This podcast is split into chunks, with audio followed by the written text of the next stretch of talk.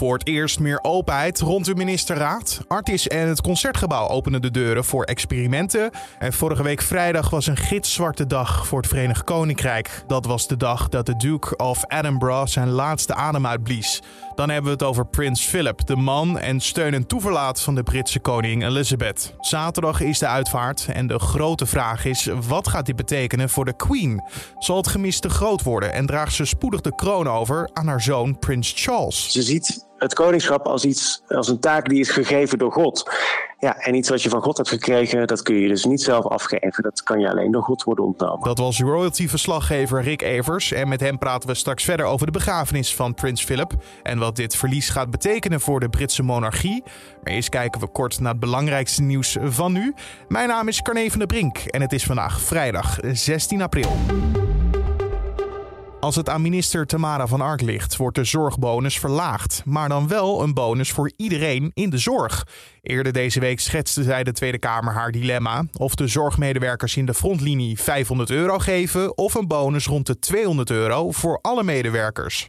Maar meerdere partijen zien nog een derde optie. Maak meer geld vrij voor de zorgbonus. Een bonus van 500 euro voor al zorgpersoneel ziet Van Ark echter niet zitten. Volgens haar zou dat honderden miljoenen euro extra kosten en dat is niet begroot. De Kamer zal hier dinsdag een knoop over doorhakken. Een meerderheid van de Tweede Kamer wil dat mensen onder de 60 vrijwillig moeten kunnen kiezen voor het AstraZeneca-vaccin. Voorlopig krijgen alleen 60-plussers het vaccin na zeer speciale en unieke bijwerkingen bij vooral jonge vrouwen. Minister De Jonge gaat het voorstel bekijken. Ja, daar ben ik zeker bereid uh, om daarover na te denken. Ik denk wel dat er meerdere scenario's denkbaar zijn. Overigens nog wel een enorme puzzel in de uitvoering. Wie gaat dat doen? Want dat is allemaal zeer de vraag of huisartsen dat erbij zouden willen doen. Ook zei de minister dat de GGD overgebleven vaccin aan het einde van de dag mag geven aan kwetsbare patiënten van huisartsen die eigenlijk nog niet aan de beurt zijn volgens de planning. Het was een zenuwslopende avond voor Ajax. Ze speelden gisteravond in de kwartfinales van de Europa League tegen AS Roma. Ze moesten een 2-1 achterstand goed zien te maken. Ze kwamen even op voorsprong, maar het ging toch mis. En dan komt daar de kans voor Zeko en die scoort. Een toevalstreffer Roma. Ja, Ajax is dus uitgeschakeld en Roma gaat door naar de halve finales. Volgens Ajax-trainer Erik ten Hag ligt hierdoor de beste ploeg uit het toernooi. We hebben gelijk gespeeld, maar het is uh, heel vervelend. Ja, de beste partij ligt eruit. De, de, ploeg die twee keer de wedstrijd heeft gemaakt, heeft gedomineerd, die ligt eruit. En dat is uh, doodzonde. Dat zei hij bij RTL. Er komt rond 2030 een einde aan de illegale ontbossing in het Amazonegebied in Brazilië. Dat heeft de Braziliaanse president Jair Bolsonaro in een brief beloofd aan zijn Amerikaanse collega Joe Biden. De Braziliaanse leider zei dat dit doel alleen kan worden bereikt met aanzienlijke middelen en dat hij hoopt te kunnen rekenen op steun van de internationale gemeenschap. Bolsonaro moet hiervoor zijn beleid wel flink omgooien, want onder zijn bewind zijn ontbossing en bosbranden in het Amazonegebied alleen maar toegenomen.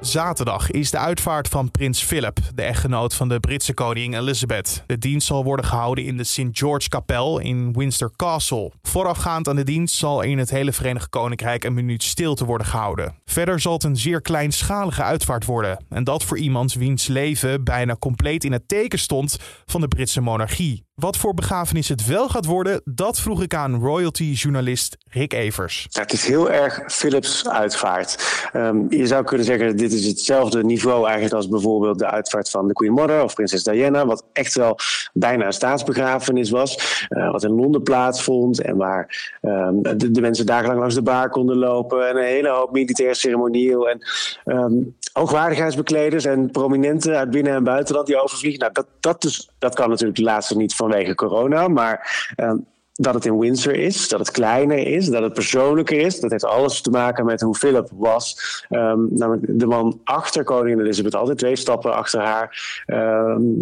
ja, minder prominent en wel met militair ceremonieel, want dat vond hij heel erg belangrijk. Hij was echt een man van de krijgsmacht. Maar echt met een eigen accent. Um, bijvoorbeeld niet, niet een, uh, een prachtige koets of zo waar de kist, kist in vervoerd wordt. Of op een militair affuit zoals wij kennen van Prins Bernhard zijn uitvaart. Maar uh, in een Land Rover, want dat, dat vond hij nou helemaal een prachtig voertuig.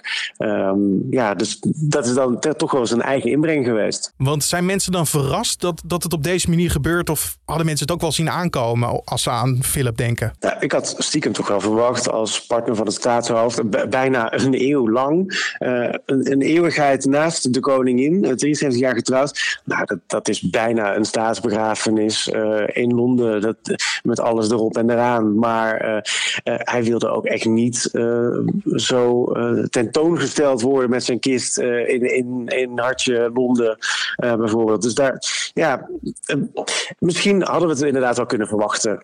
want Philip was een eigenwijze man. Want heeft het nog gevolgen voor hoe het Britse volk uiteindelijk mee gaat leven met, met de familie en de begrafenis aan zich? Het is een moeilijke tijd natuurlijk uh, voor iedereen. En normaal gesproken um, zijn dit soort momenten van, uh, van rouw, maar uh, een, een, koningshuis is eigenlijk meer dan de lintenknipperij. Het is ook het meeleven als een, als een levenslange soap van de wieg tot aan het graf met de koninklijke familie. En dat, dat, dat draagt bij aan, de, aan het draagvlak ook. Maar het lijkt nu dat de Britten ja, ook wat zuurder zijn eigenlijk over, over het Koningshuis, over uh, de berichtgeving rondom Prins Philip. Normaal gesproken is iedereen natuurlijk uh, uh, ondertussen gewoon aan het werk en een drukte van belang. En staan ze er misschien niet zo bij stil dat alle zenders continu over Prins Philip berichten.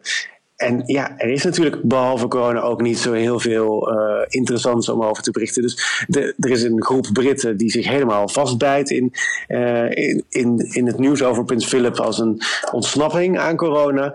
En, en er is een groep die, uh, ja, die massaal klachten stuurt naar de omroepen, omdat ze het echt een overkill vinden aan de Duke of Edinburgh. Want hij wordt enerzijds geroemd door ja, de mensen die hem lief hebben of het Koningshuis.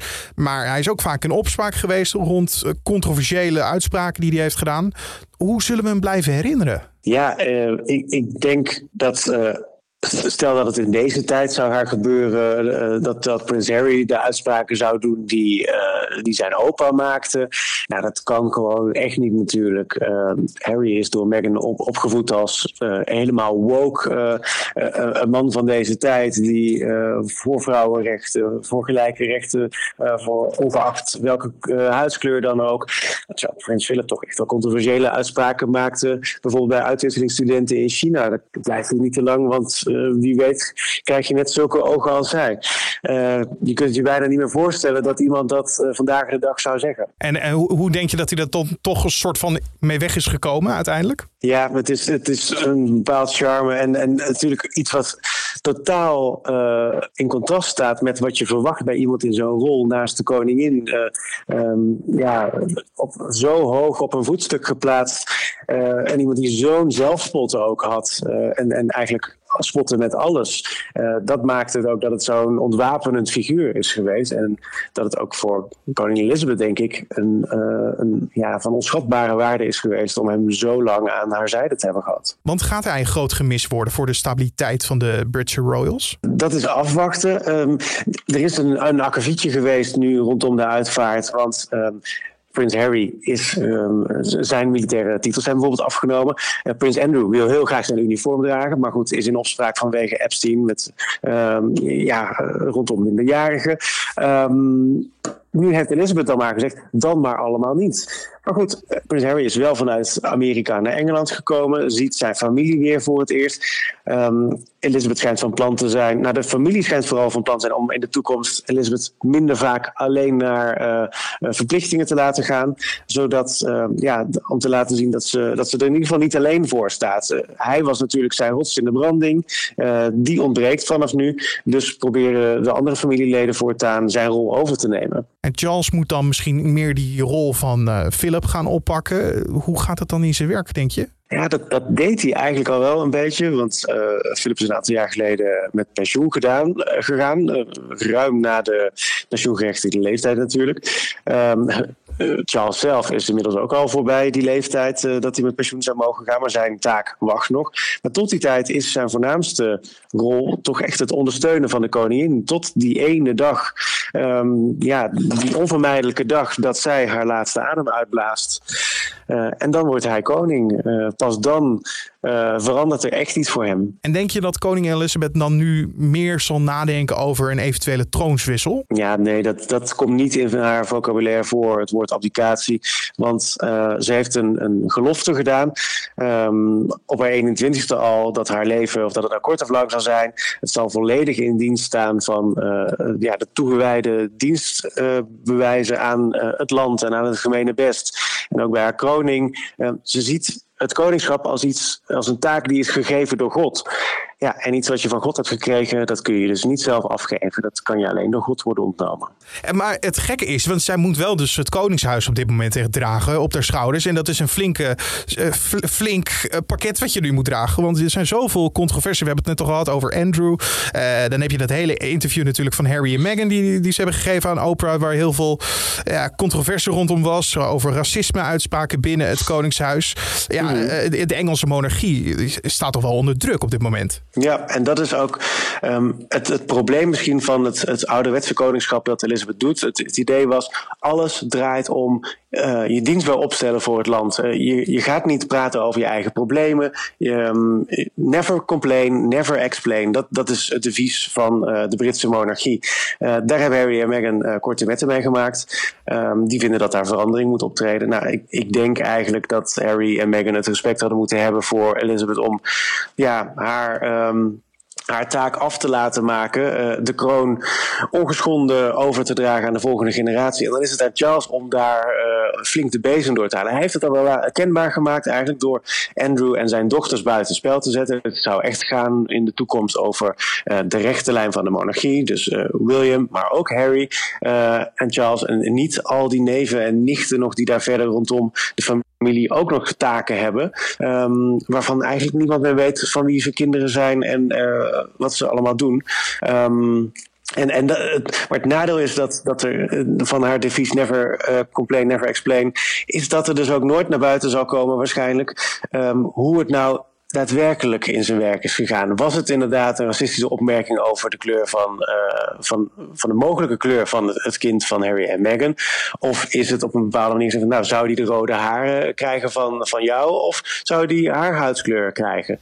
Um, het is maar net hoe je het uitlegt natuurlijk, maar ik ben bang dat we er nooit achter zullen komen hoe het daadwerkelijk is geweest. Nee, we moeten het nu doen met een statement dat ze het intern gaan onderzoeken, inderdaad. Ja, want, en dat is al heel wat voor Elizabeth. Ja, oké. Okay, oké. Nou, dat zet het in perspectief. Want als je het hebt hè, over uh, schaduw over die begrafenis van zaterdag, denk je dat het ook misschien helemaal ook in het teken kan staan van een verzoeningsmoment tussen Prins William en nou, zijn broer Harry? Het is te hopen. Die twee hebben natuurlijk zoveel met elkaar meegemaakt. Ze waren zo sterk samen, uh, hebben een organisatie opgezet rondom mentale gezondheid, om te praten over je problemen. En dan gebeurt nu zoiets tussen die twee. Uh, ze zijn niet echt on speaking terms. Er wordt wel wat geprobeerd Ehm, telefonisch, maar dat blijkt allemaal niet echt vruchtbaar te zijn. Ehm, het idee was dat, dat Harry sowieso in juni ter ere van de honderdste verjaardag van zijn grootvader naar Engeland zou komen. En in juli samen met William het standbeeld van Diana zou gaan uh, onthullen in de tuin van Kensington Palace. Dat is dus nu dus vervroegd. Misschien komt het ook wel een beetje vroeg uh, voor die twee om, om um, ja, echt te kunnen verzoenen.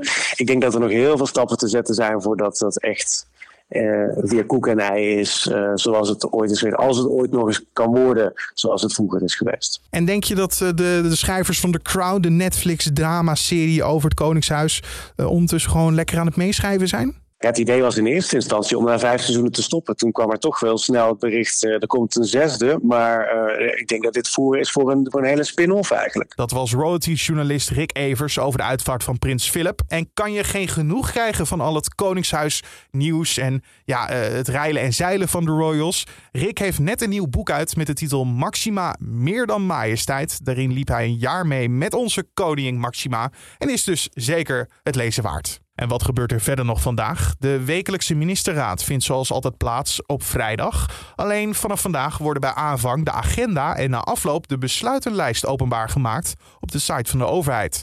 Het demissionair kabinet besloot daartoe op aandringen van de Tweede Kamer. Dat gebeurde onder meer naar aanleiding van klachten over de transparantie van het kabinet in de toeslagenaffaire, de kwestie die Rutte 3 de kop kostte.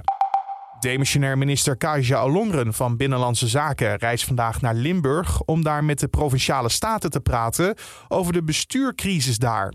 De zuidelijkste provincie van het land is stuurloos sinds het bestuur en de gouverneur vorige week opstapten. Aanleiding voor de crisis is de affaire rond een voormalig CDA-gedeputeerde die tonnen aan subsidies zou hebben doorgesluist naar zijn eigen bedrijven. En opnieuw openen een aantal locaties de deuren voor publiek om te testen of dat goed gaat in coronatijd. Zo gaat Artis in Amsterdam drie dagen lang open. En ook het concertgebouw in diezelfde stad kan weer worden bezocht.